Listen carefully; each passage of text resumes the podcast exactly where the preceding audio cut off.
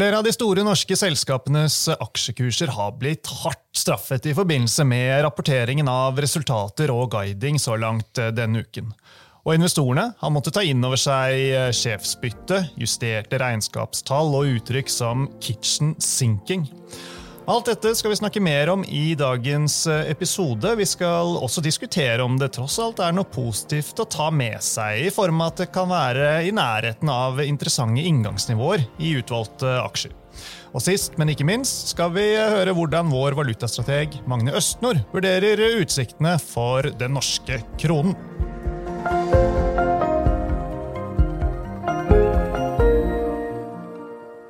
Velkommen til eh, Utbytte. DNB-podkasten der vi forklarer hva som skjer i den globale økonomien og finansmarkedene. Jeg er Marius Brune Haugen, og med meg har jeg aksjestrateg Paul Harper. Hei, hei, Paul. Hei, hei, Marius.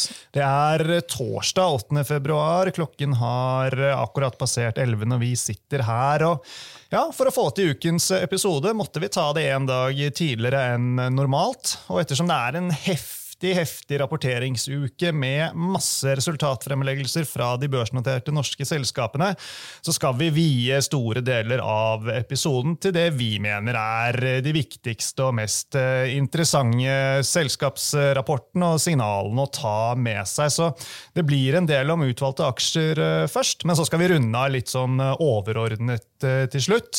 I tillegg til å ta med utsiktene for kronen. Da høres ikke det greit ut? Ja, høres ut som en god plan. Så da lurer jeg på, Pål, kjenner du til uttrykket kitchen sinking? Ja da, det er noe som er eh, ofte brukt i eh, i hvert fall eh, England. Jeg vet ikke om jeg aldri, aldri hørt det i Norge, må du si, men kitchen sinking er et godt kjent uttrykk. Nei, altså Jeg fikk det jo med meg denne denne uken i forbindelse med kvartalsrapporten til Nordic Semiconductor, som eh, vi straks eh, skal komme tilbake til. Så jeg måtte google dette her. og Da dukket, dukket det opp et par steder at i en finansiell kontekst så ble kitchen sinking første gang brukt i 2015 i forbindelse med at britiske Tesco annonserte resultater hvor ja, de var ekstremt dårlige. og de la fram alt det verste på en gang. Ja, Jeg tror egentlig det er et uttrykk som jeg syns jeg husker fra 90-tallet når jeg jobbet i eh, London. Så jeg, jeg, tror egentlig det har nok litt lengre historikk enn eh, bare 2015 og, og Tesco-tallene. og Det går jo egentlig bare ut på det at du, du, slenger alt det negative inn eh, på en gang, og da blir man liksom ferdig med det på et vis. og Det er vel kanskje det som ofte skjer, at du har en viss insentiv hvis du er en ny leder i et selskap, og da få ut alle de negative tingene, og da kan liksom begynne litt med blanke ark, heller enn at det er noe som liksom drypper ut noe nytt hvert kvartal. Ja da, Det kan godt være at dette har blitt brukt mye opp igjennom. I politikken er det jo ofte også eh, mye brukt. og En sånn nyanse med dette kitchen sinking det er jo at uh, et av målene som regel er at uh, de nyhetene man da slipper, som er liksom alt dårlige på en gang, som du sa, ganske fort skal drukne i andre nyheter. Så uh, timing er også viktig, da. Men uh, som vi har vært inne på, grunnen til at vi starter med dette her, uh, det er jo at et av de sentrale spørsmålene for chip-action Nordic Semiconductor er nettopp på dette om de nå har vært ute og sagt at uh, ting er uh, kanskje enda litt verre enn en, uh, det de er. Det er i hvert fall der spekulasjonene går. Altså Tirsdag så skuffet de markedet igjen med sine tall ganske så heftig. Og ja, Spekulasjonsmomentet ble ganske fort. Da har de tatt ekstra hardt i med tanke på negativ eh, guiding for å gi den nye sjefen, Vegard Vollan, et så godt utgangspunkt eh, som mulig til å kunne forbedre seg. Ja, jeg tror På et vis så vil det nesten være litt eh, overraskende om de ikke har gjort det. For når de kutter guiding såpass mye, så hadde det nesten vært rart om de ikke har tatt i litt ekstra her, sånn at det nettopp er ganske sikker på at Q1 blir litt bedre enn ventet. Nå kan jeg si at Det er kanskje litt eh, overraskende at det var nødvendig å ta i så hardt for å være helt sikker på at du skulle gjøre det bedre i Q1, men jeg ville være egentlig ganske overrasket om de, de klarer å misse enda en gang. Nå har de hatt eh, gjennom egentlig 2023 så har som samtlige kvartaler egentlig vært eh, en skuffelse driftsmessig, og da har jo estimatene kommet ned. så Det spennende er jo jo det å, å være, si, ha litt mer tillit til om vi faktisk nå er på det punktet hvor estimatene er kuttet så mye at de ikke behøver noe, noe ytterligere kutt. Og så eventuelt, da, hvis de begynner å bli justert opp igjen i løpet av året, om det er snakk om en V-bunn eller om det er mer en slags uformet forbedring det er snakk om. Ja, mange som følger markedet tett, har sikkert fått med seg dette, men tar det med likevel, så alle har konteksten her. Nordic Semiconductor rapporterte tirsdag også. Aksjen på rapporteringsdag var ned eh, over 22% helt ned eh, mot 80 eh, kroner. Ble riktignok en av vinneraksjene igjen på onsdag, da vi får komme tilbake til det, og aksjekursen har kommet litt opp igjen også i dag. Men fortsatt da, kraftig ned for uken. og Tallene de viste en topplinje på 108 millioner dollar mot 191 året før. Etterspørselen her, som jeg snakket om flere ganger, er jo kraftig ned pga. høye varelagre hos kundene. Nordic brukte også litt tid på å snakke om makromotvind som er der ute. Så det er et sånn sammensurium av flere ting. Men, men ser vi altså på bunnlinjen for 2023 så endte den på 7,6 eh, millioner dollar mot 122 i 2022. Så resultatet etter skatt altså ned 94% på et år. Så det er ganske heftig, eh, Pål. Og så er det guidingen, som du sier, da, som eh, sikkert markedet har brukt uh, en del tid og, krefter på å tolke. Uh, nå ga de bare fram for uh, første kvartal, og det er sikkert greit når visibiliteten er sånn relativt dårlig som, som det virker. men den er altså på 70 til 80 millioner dollar, en sånn range der på topplinjen. Så det er, det er jo kraftig ned, da, Pål. Og så lurer man på, da. Er, er dette her riktig eller ikke? Ja, Det er jo litt uh, interessant at uh, en del av de uh, si sammenlignbare selskapene har jo egentlig levert vesentlig bedre enn Nordic Semi. Så et av de faktorene som er litt vanskelig å vurdere nå, er det det at Nordic Semi si, mister markedsandeler? Er det sånn det som er problemet, eller er det bare at deres uh, recovery er bare et, et kvartal uh, lenger ut i tid enn en de andre, og at det kommer liksom ganske sterkt tilbake i, i, Q1? Men det er det at uh, nå har de hatt flere kvartaler på rad nå hvor de har skuffet markedet med guiding, og så har de likevel klart å levere enda litt dårligere enn det de har guidet. Så nå virker det som de har tatt i såpass mye at her blir det egentlig en katastrofe hvis de ikke klarer å, å nå disse forventningene. Så de har virkelig satt satt lista ganske lav eh, denne gangen. Så det at hvis vi antar at de klarer å treffe på eh, guiding i Q1, så er det fortsatt ikke sånn at man kan liksom friskmelde selskapet. Det Spørsmålet er da liksom til hvilken grad de egentlig klarer å få en videre oppgang eh, etter det. For det kler ikke et vekstselskap å se topplinjen falle kvartal etter kvartal. så Sånn sett så trenger det å, å finne en, en overbevisende bunn her, heller enn at de bare faller litt saktere enn de gjorde kvartalet før der igjen. Ja. Og Et av de første spørsmålene som også uh, dukket opp etter at selskapet kom med tall, det var vel kommer den nye sjefen uh, Vollan til å uh, melde at han har kjøpt aksjer. og ja, Den beskjeden fikk vi jo 7.2. Han har kjøpt 50 000 aksjer til en kurs på 86 kroner og 27 øre per aksje.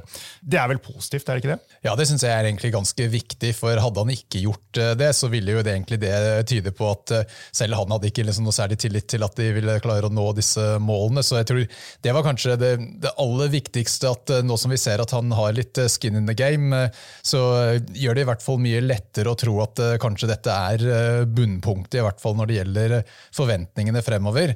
Og Så får vi se litt hva de klarer å levere senere, men i hvert fall så er jo den, den boksen nå tikt, kan du si.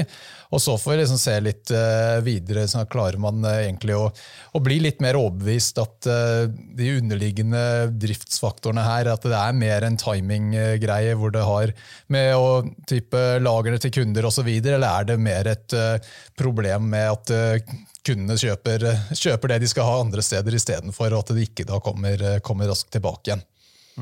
Ja, og, og, og, den uh, fasiten den sitter åpenbart ikke vi med, men det virker som uh, markedet er veldig usikra. Altså, det er fortsatt delte syn blant analytikerne på veien videre for selskapet. og Ser vi også på investorene og det man liksom leser rundt omkring, så virker det som det fortsatt er Man skal i hvert fall ikke undervurdere det. da, at Til tross for at det nok er en del slitne aksjonærer her etter de kursfallene vi har gjort igjennom det siste drøye året, så, så, er det også en del som ennå holder uh, troen på at uh, bunnen av bølgedalen er nær. Da. Men som du sier, det er et viktig premiss at uh, Nordic Semiconductor ikke har tapt markedsandeler når markedet kommer tilbake. Ja, jeg ser En del av de som har vært negativt til Nordic Semi, har oppgradert nå det siste, siste døgnet. så Det er flere som har oppgradert fra salg til hold.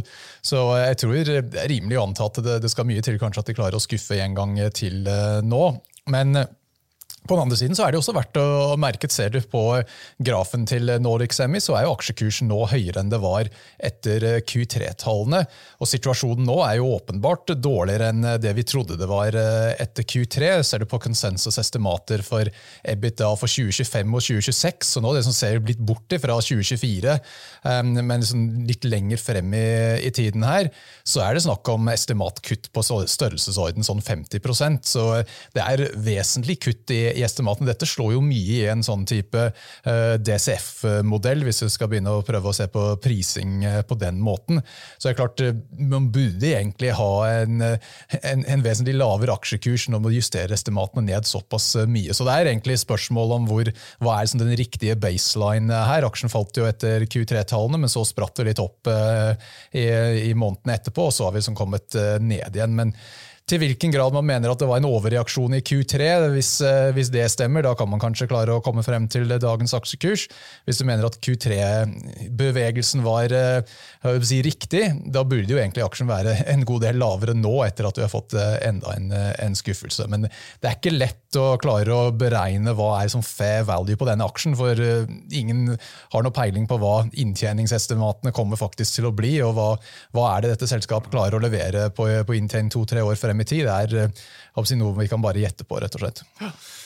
Bruttomarginen klarte å holde over 50 eh, så den var relativt eh, stabil. Er det noe positivt å ta med seg fra det?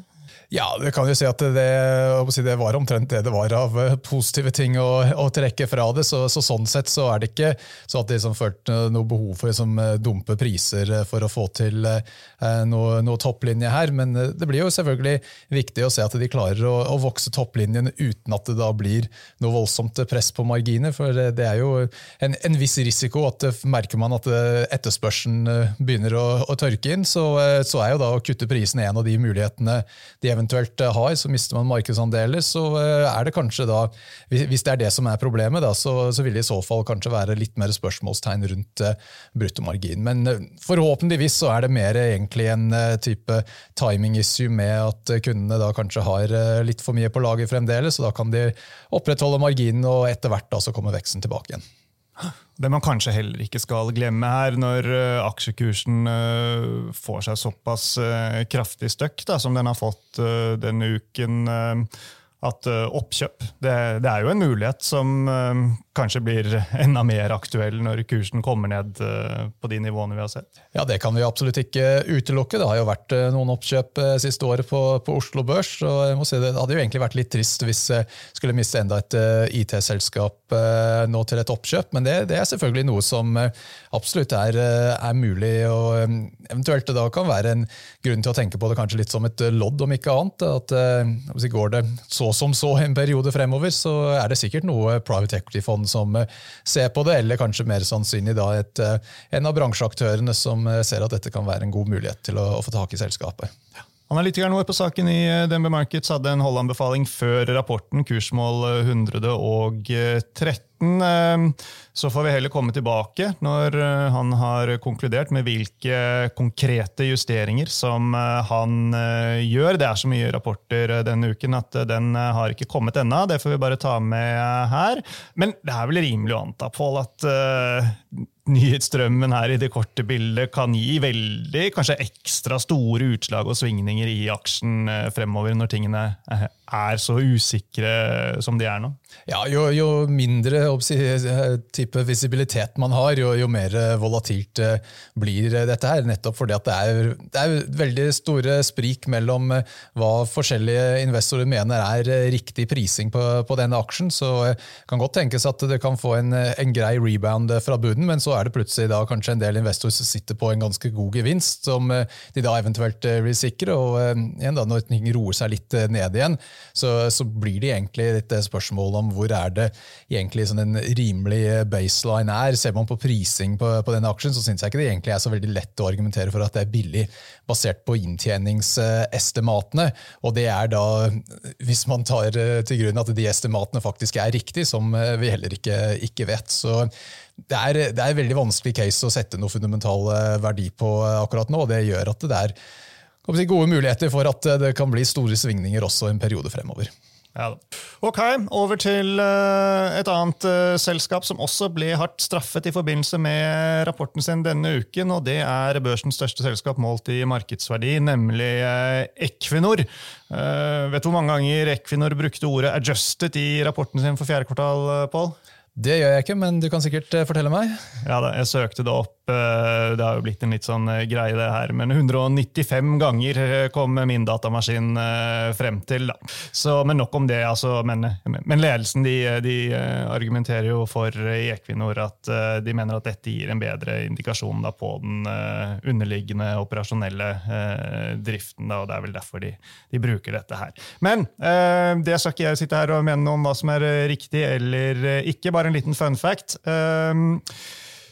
Analystime gjentar en holdanbefaling på aksjen, har satt kursmålet til 300. og Aksjen den falt jo kraftig på rapporteringsdagen, Paul, og den har falt videre i dag. Så akkurat når vi sitter her, er eh, aksjekursen under 280 kroner. Hva var det som skuffet der?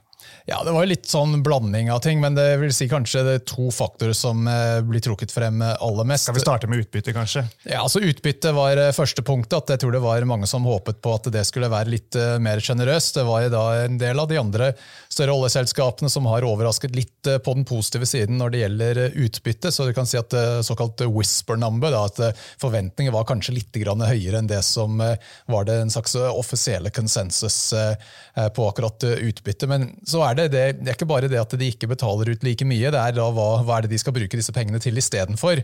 Og det er det som jeg tror eh, kanskje er en, også en minst like um, stor faktor som trekker kursen ned. At indikasjonene nå er at det kanskje blir investert noe mer i fornybar energi enn det mange hadde håpet.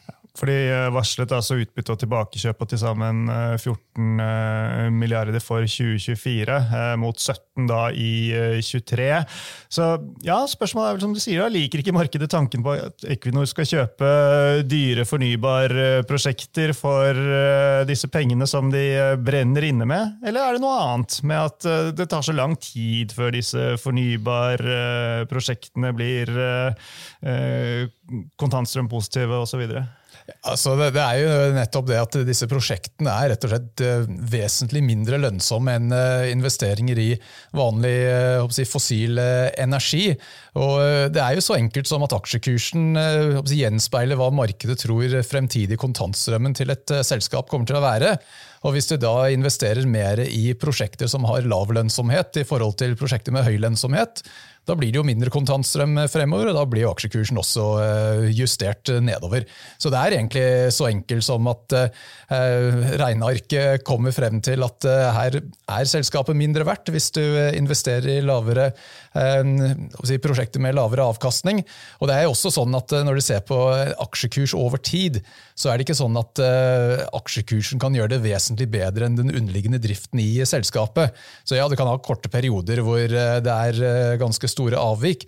Men eh, over tid, hvis dette blir et selskap hvor det har en sånn type return on investment på 4% eller sånn der omkring hvor en del av disse fornybare eh, prosjektene ligger, da kan du heller ikke forvente at det blir noe spesielt bra aksjekursutvikling over tid. Mens eh, oljeinvesteringer så er det gått opp i tosifret avkastning, og da får du et helt annet bilde i forhold til hva du kan forvente av utbytte som kan da bli utbetalt i løpet av de neste fem til ti årene. Mm. Ja, Når det gjelder investeringskostnader og uh, produksjonsguiding for uh, året vi har uh, foran oss, så mener analytikeren vår at det bør være ganske lett å matche produksjonen fra 2023. Det kom en del uplanlagt nedetid osv. Men han påpeker i rapporten at han sliter med å se hvordan Equinor skal klare å nå de langsiktige produksjonsambisjonene utover 2030 osv. innenfor det investeringsbudsjettet som de ser for seg per i dag. Ja, jeg tror Det er også et, eh, et, annet element som vi ikke nevnte. det Når det gjelder eh, hva det koster å bygge ut eh, ikke bare fornybar, men også fossil energi. At Vi ser innenfor oil service nå at det er oil service-aktørene som egentlig er eh, de med mer pricing power nå. At den pendelen har sunget fra oljeselskapene til eh, oil service. og Det har da vært også et stort problem innenfor eh, f.eks. offshore wind. At alt, hele, alle de forskjellige delene av forsyningskjeden nå har blitt vesentlig dyrere enn det var tidligere. og Det gjør at lønnsomheten i prosjekter da blir en god del dårligere. Så det er ikke bare grønne, grønne investeringer hvor kanskje lønnsomheten ikke er like bra som, man, som det så ut kanskje for noen år tilbake. Men det er fortsatt da ganske stor eh, fordel for eh, når det gjelder i hvert fall de fossile prosjektene, at der er det mye bedre avkastningspotensial fremover. Selv om det skulle vise seg at eh, oil service-kostnadene kanskje blir noe høyere enn det som ligger i konsensus. Men når vi ser på liksom det totale bildet, så er det store problemet at konsensusestimatene blir justert ned i Equinor som følge av dette her. Og da blir det også eh, vanskeligere egentlig å få eh, aksjekursen opp hvis eh, estimatene faller. Så, så enkelt er det rett og slett. at Det er, det er tallene som, som, gjelder til, til syvende og sist. Ja. For ellers eh, også bare ta med, da, eh, gitt at jeg leste riktig her, men det tror jeg gjorde, at uh, referansecaset til Equinor, som de kaller det, for oljeprisen er 75 dollar fatet, opp fra 70 i fjor, mens de langsiktige gassprisantagelsene er uendret. Ellers så har vi hatt flere av oljeselskapene med Aker BP i spissen, som har kommet med tall i dag, Pål. Det er ferskvare, altså. ok Ikea har også vært uh, ute, DNO likeså. Det meste har uh, slått feil vei. Ja, Det har vært en tung rapporteringssesong eh, generelt. og da Innenfor oljeselskapene så har det stort sett også vært på den negative siden. Så jeg hadde litt sånn skuffende produksjonsguiding både fra Equinor og, og Aker BP. Så når det gjelder Aker BP, så kan man eventuelt kanskje argumentere for at ja, fjoråret så guidet de også egentlig litt lavt på produksjon, og så viste det seg at de klarte å, å levere litt bedre enn guiding. Så jeg ville kanskje si at det er kanskje mer rimelig for analytikerne å legge seg i øvre enden av den guiding-rangen heller enn midten av rangen. Så det er ikke sikkert at estimatene behøver å falle kanskje like mye der, men uansett så vil jeg tro de kommer ned et par-tre prosent eh, på den eh, guidingen. Og så er vi også litt sånn at vi tenker det er heller, eh, heller risiko på oppsiden enn nedsiden når det gjelder CapEx-estimatene, så det er jo også noe som slår litt på kontantstrømmen. Men i det hele tatt så er det en si, situasjon hvor estimatene da trekker litt ned. Hvis det både er produksjon kanskje en anelse lavere enn vi hadde håpet, og litt høyere kostnader, så er det ikke så lett å finne så voldsomt mye positivt her. Bortsett fra at her har vi fortsatt eh, relativt bra utbytte, da, rundt sånn 10 eh, eh, direkteavkastning i dette tilfellet. Så det gjør at det kanskje er hakket mer attraktivt enn Equinor allikevel. Ja, og så får vi bare ta med at på alle disse selskapene som har uh, rapportert uh, i dag, så uh, vil man forhåpentligvis finne oppdaterte analyser med kursmål og anbefaling i løpet av kvelden og morgendagen inne i aksjehandelsløsningen. Så henviser til den for de som er ekstra interessert og vil ha det umiddelbart. Storebrand var også ute tidligere denne uken, Pål. Vi gjentar kjøp, setter kursmålet til 118 eh, eh, kroner. Aksjen falt også på rapporteringsdag, ned til 93, 92 kroner. Markedet likte ikke motvinden bl.a. for eh, skadeforsikringsdelen, virket det som. Som bl.a. er preget av værrelaterte ting, og også bilskader. Ja, det er enda en eh, skuffende rapport eh, kan vi si her. Kanskje burde være litt mer forberedt på den, i og med at Gjensidige hadde allerede rapportert, og der var det en del av de samme tendensene, ja, kan du si. Så um, Protektor er kanskje unntaket. De leverte veldig sterkt uh, innenfor forsikring, men uh, akkurat Storebrand ja, det var, uh, var skuffende, og aksjekursen da falt til å reflektere akkurat det der. Så en litt sånn svak utvikling når det gjelder um, driften der. Og må si at ja, Forrige kvartal var vel også litt så som så, hvis jeg husker eh, riktig der, men estimatene kommer likevel litt opp sist gang. og Jeg ser at det er enkelte analytikere som faktisk justerte estimatene bitte litt opp i Storebrand også, så vi får se litt hvor konsensus eh, ender opp der i løpet av de neste par eh, dagene, og så kan vi kanskje gjøre en vurdering ut ifra det. Men det var klart eh, svakere enn ventet Q4. Ja, så med en PE på åttegangeren og ja, utsikter for en direkteavkastning på rundt 8% eller mer, så, så, er det kanskje ikke så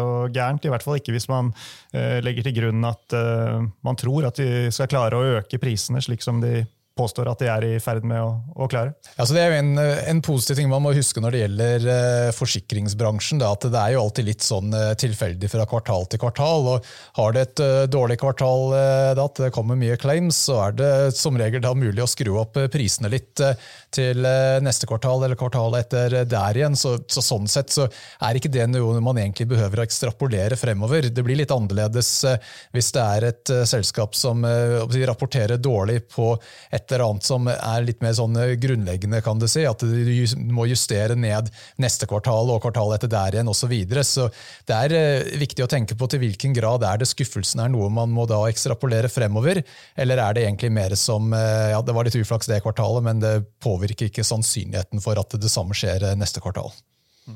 La oss uh, hoppe videre. Vi må også innom uh, Skipsted. Der uh, gjentar vi hold kursmål 320. aksjen var faktisk litt opp, den, Pål, på rapporteringsdagen. Bra at noen stiger. der annonserte blant annet de at CEO-en, eh, Kristin Skogen Lund, eh, går av. Det var også eh, nyheter knyttet til Viaplay, at der går de ikke videre med det kjøpet de hadde begynt på der. Nyhetsdelen var ok, men det skal jo også selges. Finn-delen var litt mer blanda drops. Jeg må si jeg var egentlig litt overrasket at uh, kursen uh, fikk et uh, løft i går. Jeg kan kanskje si at det er litt relief at de har si, godt tatt seg til fornuften og dumper Viaplay. Det der var noe som jeg tror de aller fleste skjønte ingenting av det fra når de først hørte noe, noe, om det. Så dette var ikke et sånt tilfelle hvor du kan si ja, i etterpåklokskap så, så, så, ble det ikke det noe, noe vellykket. Dette var jo egentlig så dårlig ut fra første sekund, så det der var en beslutning som jeg egentlig ikke skjønner eh, hvorfor de eh, vurderte i det hele tatt. Men ja, når de først har gjort en feil, så er det bedre da å heller eh, kaste kortene og akseptere det, enn å begynne å, å si, kaste mer penger etter, etter, noe som i hvert fall så langt ble ganske mislykket. Så ja, kanskje det fortjener litt relief da, hvis det var forventning at det her skulle de begynne å tømme mer, mer penger inn i, inn i Viaplay. Jeg tror egentlig markedet hadde egentlig forventet at de skulle gjøre som, som de sa. så jeg er litt overrasket egentlig at det fikk den oppgangen, for vi har faktisk tatt estimatene litt ned i etterkant av eh, den rapporten. Og som du sier, så var det News Media som var det som var best, men det er noe som eh, nå er solgt. så Sånn sett så får du ikke noe fordel av det fremover i eh, estimatene. så vi mente jo egentlig at de solgte det litt, eh, litt for billig, og om noe da, så syns jeg de tallene der eh, bekrefter den, eh, den, påstanden. Så alt i alt så syns jeg det var mer sånn nøytralt, ja positivt at Viaplay ikke er noe som vi behøver å bekymre oss over videre. Men resten, den driften som de skal ha videre, var egentlig ikke noe voldsomt å, å skryte av, syns jeg. Så jeg syns egentlig sånn nøytral minus ville være en mer si, rimelig tolkning av de tallene totalt sett. Ja, Telenor, et annet av børsens store selskap som uh, rapporterte tidligere denne uken. Uh, her må vi vente til uh, analytikeren vår har fått sendt ut og konkludert med rapporten. Men det vi kan ta med, er at aksjen fikk en grei mottakelse av markedet på tallene. Litt på oppsiden for aksjekursen på rapporteringsdagen. Så skal vi ta med at aksjen har jo kommet en del ned da, siden andre halvdel av januar. og Selskapet foreslår bl.a. utbytte, da, som var helt på linje med forventningene forventningene på 9 kroner og 50 øre for 2023. SR-Bank de var ute med utbyttemeldingen sin en dag for tidlig, vel. Der er utbyttet på 7 kroner og 50 øre som foreslås per aksje.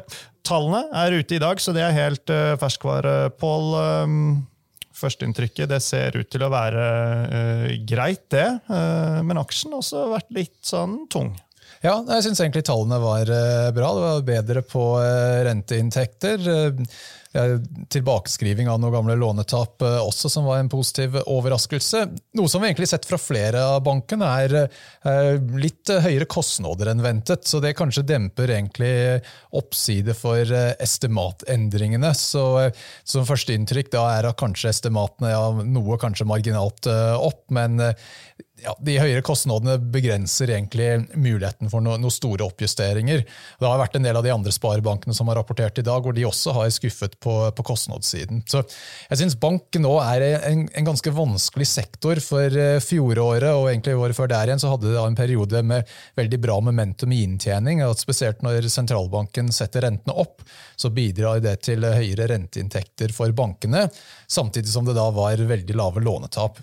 Nå når vi ser fremover, nå er sannsynligvis rentehevingen rentehevinger fra Norges Bank eh, ferdig, så du får ikke den medvinden eh, lenger. eller Det er liksom i ferd med å spille seg ut nå. Men du har da fortsatt da høyere kostnader. Vi har lønnsoppgjør nå om ikke, ikke så lenge, så liksom kostnadslinjen kommer antageligvis til å fortsette å trekke oppover, samtidig som topplinjen da går mer sidelengs, vil jeg tippe. Og det er vel kanskje bare tidsspørsmål før vi begynner å se litt uh, høyere lånetap uh, også. Vi hadde litt høyere enn ventet lånetap tror jeg, fra Sparebanken Nord-Norge i dag. Så alt i alt så har du egentlig et uh, bakteppe her hvor inntjening går sidelengs til kanskje litt nedover fremover.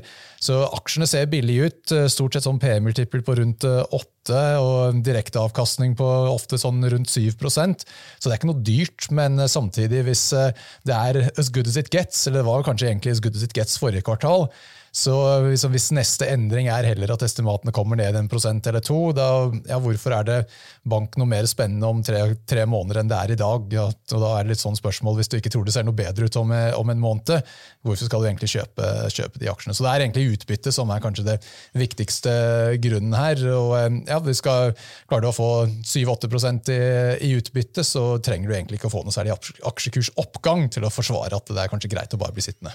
Neida. Vi skal prøve å samle trådene på et litt overordnet uh, nivå uh, ganske snart, Pål, men det er et par uh, selskaper til vi må innom. XXL er også ute med sin rapport i dag, og det ser ut til å være dårlig over hele fjøla. og Her ser det ut som konsensusestimatene skal betydelig ned. De sier bl.a. at de vil ut fra Danmark. De har tapt betydelig med penger i kvartalet. Så er det en del nedskrivninger osv. Men ja, dette her er vel litt restruktureringscase snart tilnærmet, er det ikke det? Ja, det er i hvert fall en uh, si turnaround case, så vi får se om de klarer å turn it, uh, turn it around. Det er det som er uh, utfordringen her. Det har jo vært en lang periode med, med, skuffelser. Kanskje så ut fra aksjekursen ut til at kanskje bunnen var passert her, men nå har vi liksom fått enda en liten setback, så sånn sett så er det litt sånn vanskelig, vanskelig å vurdere. Jeg tror liksom konseptet burde jo være levedyktig, men det er litt det om de klarer å, å gjennomføre si, prosjektet her, som er litt uklart uh, fremdeles. Men uh, ja, det, i det hele tatt uh, så var det litt, litt, skuffende, det vi så i dag. Nei, Ellers er det flere andre selskaper som har vært ute. Orkla, Athea, Aker Solutions, Komplett. Og det som går igjen i overskriften til analytikerne, det er ordet 'weak' i en eller annen form. Så det er mye som virker å ha skuffet, men vi får ikke gått inn på alt det nå. Men vi skal finne noe positivt, Pål. Da må vi vel kanskje til shipping, eller hva?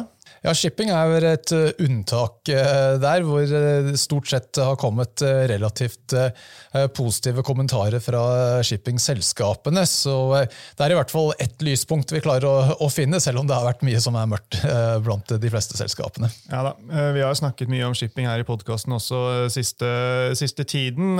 Naturlig nok, ettersom dette er en sektor som har gjort det veldig bra. Tidligere i starten av uken sendte shippinganalytiker Jørgen Lian ut oppdatering både på bilshipping, der han gjentok det positive synet sitt, og på tørrlast, hvor han oppjusterte kursmålene, men tok ned både 2020 Bulkers og Golden Ocean til hold på de to sistnevnte i bulkpål, rett og slett fordi at aksjene har gått ganske mye. Høg Autoliners er ute med sin rapport i dag. Da snakker vi bilshipping, og det har jo blitt tatt veldig godt imot da, på børsen. Opp over 10% når vi sitter her. Ja, så veldig sterk positiv reaksjon der. Det er nok egentlig mest på utbytte som er det som har den store overraskelsen, heller enn at tallene i seg selv var veldig, si, veldig mye bedre. De hadde jo allerede rapportert omsetningstallene, så jeg tror mye av avviket fra konsensus var jo egentlig mer at det var ikke alle analytikerne som hadde oppdatert sine estimater. Så tallene ganske som ventet, men de betaler nå en jeg tror de kalte det en sånn catch-up-utbytte nå, hvor de da betaler ut noe av de kontantene som har hopet seg opp i det siste, og så fremover sier at de skal betale ut 100% av free cash flow. Det, er klart, det blir ganske mye utbytte ut av, ut av akkurat dette, så når det er snakk om type 20% direkte avkastning i, i første omgang her, så er det klart, da, da plutselig blir det ikke veldig vanskelig å regne hjem kursen, og du får såpass mye kontanter tilbake igjen på relativt kort tid. Ja da.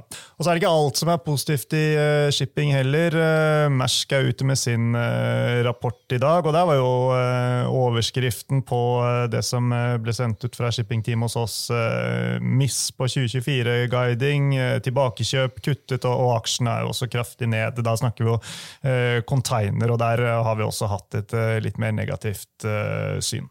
Ja, De har jo hatt en fordel av at det uh, blir mindre bruk av Suezkanalen i, det siste, så da blir det lengre seilingsdistanser rundt uh, Afrika. Um, men det er jo også noe uh, som uh, nevnte her, at det faktisk får noen negative konsekvenser fra det. De får da lavere volumer i januar i forhold til desember, og det blir en del ekstra kostnader. Så det er ikke bare positivt, dette her. Men det er klart, på lengre sikt så får man kanskje anta at situasjonen roer seg ned etter hvert, selv om det er veldig vanskelig egentlig eh, gjette seg til når det eventuelt eh, skjer.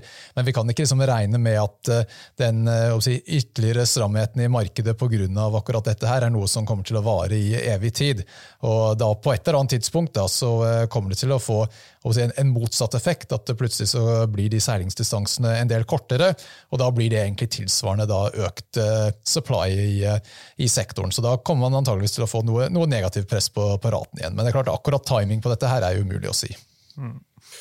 Ok, hvis vi skal ta noe annet uh, positivt, Pål, så uh, har jeg lyst til å trekke fram uh, helsesektoren. Ja, og Novo Nordisk de kommer med tall i forrige uke som har blitt tatt godt imot, og aksjekursen har blitt sendt videre. Jeg hadde en oppdatering med forvalterne av helsefondene til DNB tidligere denne uken, og da gikk vi gjennom Bl.a. Eh, Novo Nordisk, da, og særlig det som skjer innen eh, fedme, som gjør at dette selskapet går til stadig nye høyder. Så for de av dere som er interessert i å oppdatere dere på det, så har vi video tilgjengelig på videosidene i aksjehandelsløsningen i nettbanken til eh, DNB. Eh, helt utrolig, Novo Nordisk-reisen. Pål, eh, Europas største selskap målt i markedsverdi, og markedsverdien er nå nesten en tredjedel av det norske oljefondet. Ja, Det er jo helt, eh, helt, utrolig hvor eh, bra det har gått. og Når du ser på avkastning på den aksjen, så har det gitt 20 eh, årlig avkastning nå i over 20 år i, i strekk. så Det er jo ganske imponerende. så jeg kunne si at Hadde oljefondet bare satt alle pengene inn i Novo Nordisk i, i starten, så, så, hadde jo det vært enda, enda, bedre. Men det har vært en utrolig utvikling der. og Kanskje det som er en av de områdene eller en av de faktorene som kanskje kan på et eller annet tidspunkt blir litt skummelt, er at dette er nå en vesentlig del av hele dansk økonomi. Så Litt sånn som Nokia i Finland eh, på slutten av 90-tallet. Hvis Novo Nordisk skulle gå på en smell på et eller annet tidspunkt, så kan jo det gjøre at eh, hele dansk økonomi da begynner å, å komme i en, eh, i en, periode hvor det blir en del motbakke. Så det er, det er jo litt skummelt når du har ett selskap som dominerer så voldsomt som akkurat Novo Nordisk gjør, men det har jo vært en fantastisk reise for alle de som har vært med. Mm. Vi skal uh, straks løfte blikket og oppsummere, men uh, først så skal vi høre hvordan vår valutastrateg Magne Østnord vurderer utsiktene for uh, den norske kronen. Han var nemlig innom studio tidligere i dag.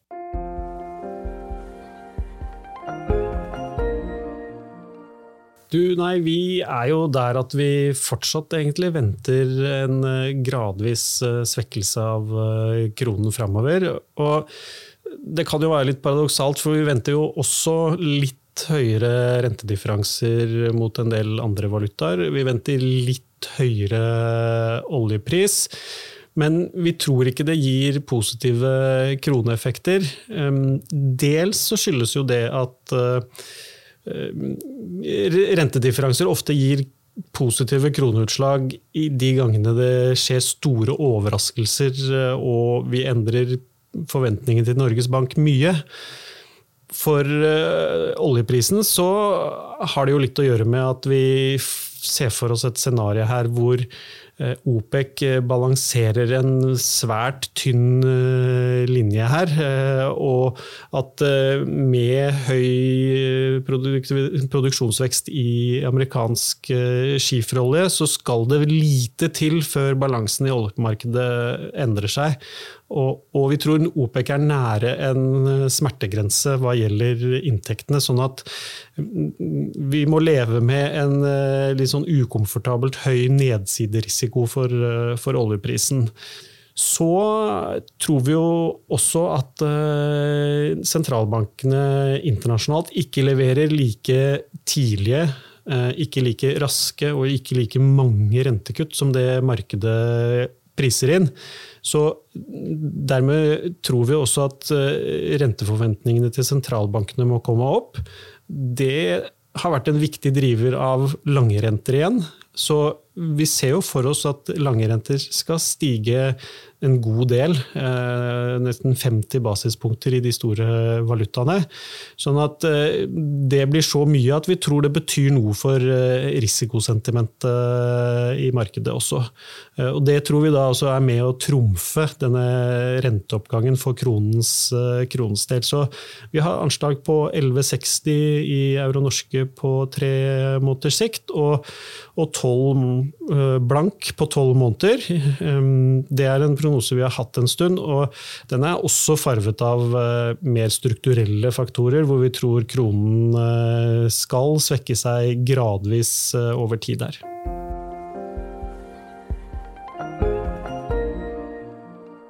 Ja, Pål. Går det som Magne og makroteamet tror, så vil vi se en enda svakere og fortsatt svak krone, altså. Er vel riktig å si. Eh, og rapporteringssesongen, da, hvis vi skal oppsummere den eh, så langt. For meg virker det som det er mye skuffelser, særlig her eh, hjemme i Norge, og til dels store negative reaksjoner. Altså Aksjene som misser, blir hardt straffet. Ja, det har vært klart flertall av selskapene som har skuffet. Det har jo vært vårt makrosyn at vi syns estimater på indeksnivå har virket altfor høyt, og at risikoen er absolutt på, på, nedsiden. og Så langt så virker det at det treffer sånn ganske bra. Så En utfordring er at eh, når dere ser at estimatene faller på de aller fleste selskapene, er hva, hva er det man skal eie eh, da? Men eh, det har egentlig vært litt bedre i Norden. Så mens Norge synes jeg har vært klart på den negative siden, hvis vi ser på estimatendring i Norden, så er det mer flatt, som kanskje er hakket bedre enn det jeg hadde sett for meg. Så Sånn sett så virker det som det kanskje er litt lokalt her. At det der, si, Norge kommer noe dårligere ut enn en andre steder. Så om det bare er tilfeldig tilfeldigheter, eller om det er noe annet litt mer systematisk, eh, er litt vanskelig å si enda, og Vi er fortsatt eh, relativt tidlig i rapporteringssesongen fremdeles, så vi trenger litt tid for å prøve å se helt hvor konsensusestimatene stabiliserer seg eh, etter hvert. Men um, første inntrykk er klart på den negative siden i, i Norge, mens jeg vil si sånn nøytral nøytral pluss for uh, de andre nordiske landene. Mm. Hva med det større makrobildet? Og særlig i lys av eh, de sterke tallene for jobbmarkedet i USA. Vi fikk uh, sist fredag uh, også liksom sterke tegn på lønnsvekstsiden. Uh, vi har fått ICM for tjenestesektoren som er sterkere enn det man kanskje kunne legge til grunn. Altså, Hva betyr alt dette her for aksjer? Går vi nå mot ingen landing istedenfor myk landing og, og, og færre rentekutt enn det man tidligere har ventet? Ja, så i hvert fall Når det gjelder rentekuttforventninger, så har de eh, korrigert eh, noe ned. Eh, nå I starten av året så var forventningen at det skulle være seks til syv kutt. Nå er det kanskje priset mer sannsynlighet at det er fire til fem, så, så, sånn sett så har jo markedet justert seg litt allerede. Men det er liksom disse to elementene som er grunnen til at vi er litt forsiktige i aksjemarkedet. Det, det ene er at vi tror rentene heller trekker litt oppover enn litt nedover, fordi at økonomien fortsatt er relativt robust. Og det andre er at til tross for at økonomien går relativt bra, så tror vi det er mer nedside enn oppside i inntjeningsestimatene. Så kombinasjonen inntjening ned, renter opp eh, er stort sett eh, noe som slår negativt eh, for aksjer kom sånn relativt greit ut eh, i fjor, men det fikk vi da en solid eh, dose hjelp med at sentiment var såpass negativ i starten av året.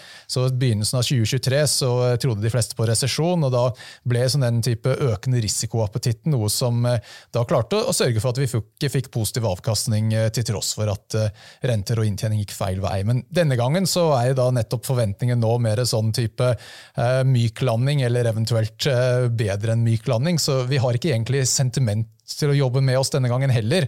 Her er det kanskje mer sannsynlighet at sentiment kommer litt ned eh, enn opp resten av året. Så det igjen gjør at eh, regnestykket blir ganske vanskelig å få til å gå opp. Jeg tror ikke det blir noe krasj hvis, eh, så lenge økonomien går relativt greit, men da blir det fremdeles lettere å egentlig se for seg at høyrente obligasjoner skal gi en bedre avkastning enn aksjer i år. Mm. Så 1000-kronersspørsmålet til slutt, da, Pål. Er det noen av aksjene i på Oslo Børs, som har fått uh, mer interessante inngangsmuligheter i lys av uh, de begivenhetene som har skjedd uh, den siste tiden. Det, det, åpenbare svaret her er kanskje at noen i hvert fall ser ut til å mene at det er inngangsmulighet i Nordic Semiconductor i form av at aksjekursen har kommet opp de siste dagene etter rapporten. Ja, så Det er i hvert fall en kandidat man kan se litt nærmere på. Jeg vil si at jeg har ikke egentlig klart å la meg overbevise fullt ut her, men det kan godt hende at eh, den aksjen kan, eh, kan, fortsette oppover. Eh, historien rundt det med at nå har man fått ut alle de negative nyhetene, og ting kan egentlig bare bli bedre herfra, det tror jeg kan absolutt få litt, litt ben å gå på der fremover. Men det er jo dette andre punktet med at når estimatene faller såpass mye, så er det langt fra åpenbart at det var ufortjent at den aksjen falt som den gjorde. Så, sånn sett så er jeg egentlig litt, litt på gjerdet på den. Jeg syns det er litt vanskelig å egentlig eh, tar noe ordentlig bedt på det. Ja da, Så får vi vente til eh, analytikeren har eh, sendt ut sin konklusjon med tanke på anbefaling. Men ja, Storebrand, stikker den seg fram? Ja, Det blir spennende å se helt hva estimatendringene blir eh, for, eh, for det selskapet. Så eh, i, i, det hele tatt så syns jeg gjerne når vi, har hatt, når vi får disse kursreaksjonene, så må man kanskje gi det noen dager og se litt ja, hvor, hvor, mye var det analytikerne faktisk måtte justere estimatene enten ned eller opp. Og så kan vi se litt da, ok, hvis, hvis aksjekursen er ned 5% men estimatene er ned 1 da er det kanskje blitt tatt i litt hardt i kursen, og kanskje god sannsynlighet for at kursen da begynner å trekke litt oppover igjen. Men det er jo USA sikkert en del andre case hvor eh, kanskje kursen har falt eh, la oss si 5 men estimaten er ned 10-15 og Da kan det godt hende at det er eh, enda litt mer nedside før den prosessen er helt ferdig. Så Vi må egentlig bare se litt hvor er det forventningene stabiliserer seg. og Da er det litt lettere når det har gått noen dager, å, komme frem til hvor, hvor var bevegelsene for store, og hvor er det egentlig fortsatt litt å gå fremdeles. Ja da, og Vi er tilbake med nye oppdateringer eh, allerede mandag i eh, neste uke. Vi eh, da på video, og da kommer det som vanlig til å handle om porteføljen med anbefalte aksjer. Så for de som er interessert, er det bare å logge inn i aksjehandelsløsningen mandag morgen kvart på ni for å følge med eh, der. Og så kommer vi også da tilbake med nye episoder i podkasten utover i neste uke. Med det så setter vi strek for i dag. Det gjenstår det bare å si tusen takk til deg, Pål, og sist, men ikke minst, tusen takk til alle dere som hørte på.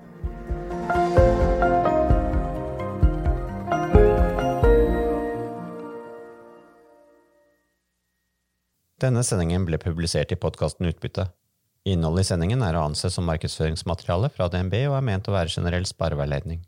Sendingen skal ikke oppfattes som et tilbud om å kjøpe eller selge finansielle instrumenter, eller som investeringsrådgivning tilpasset den enkelte investors situasjon. En investor som har behov for råd eller har spørsmål og informasjon som gis, bør kontakte en finansrådgiver.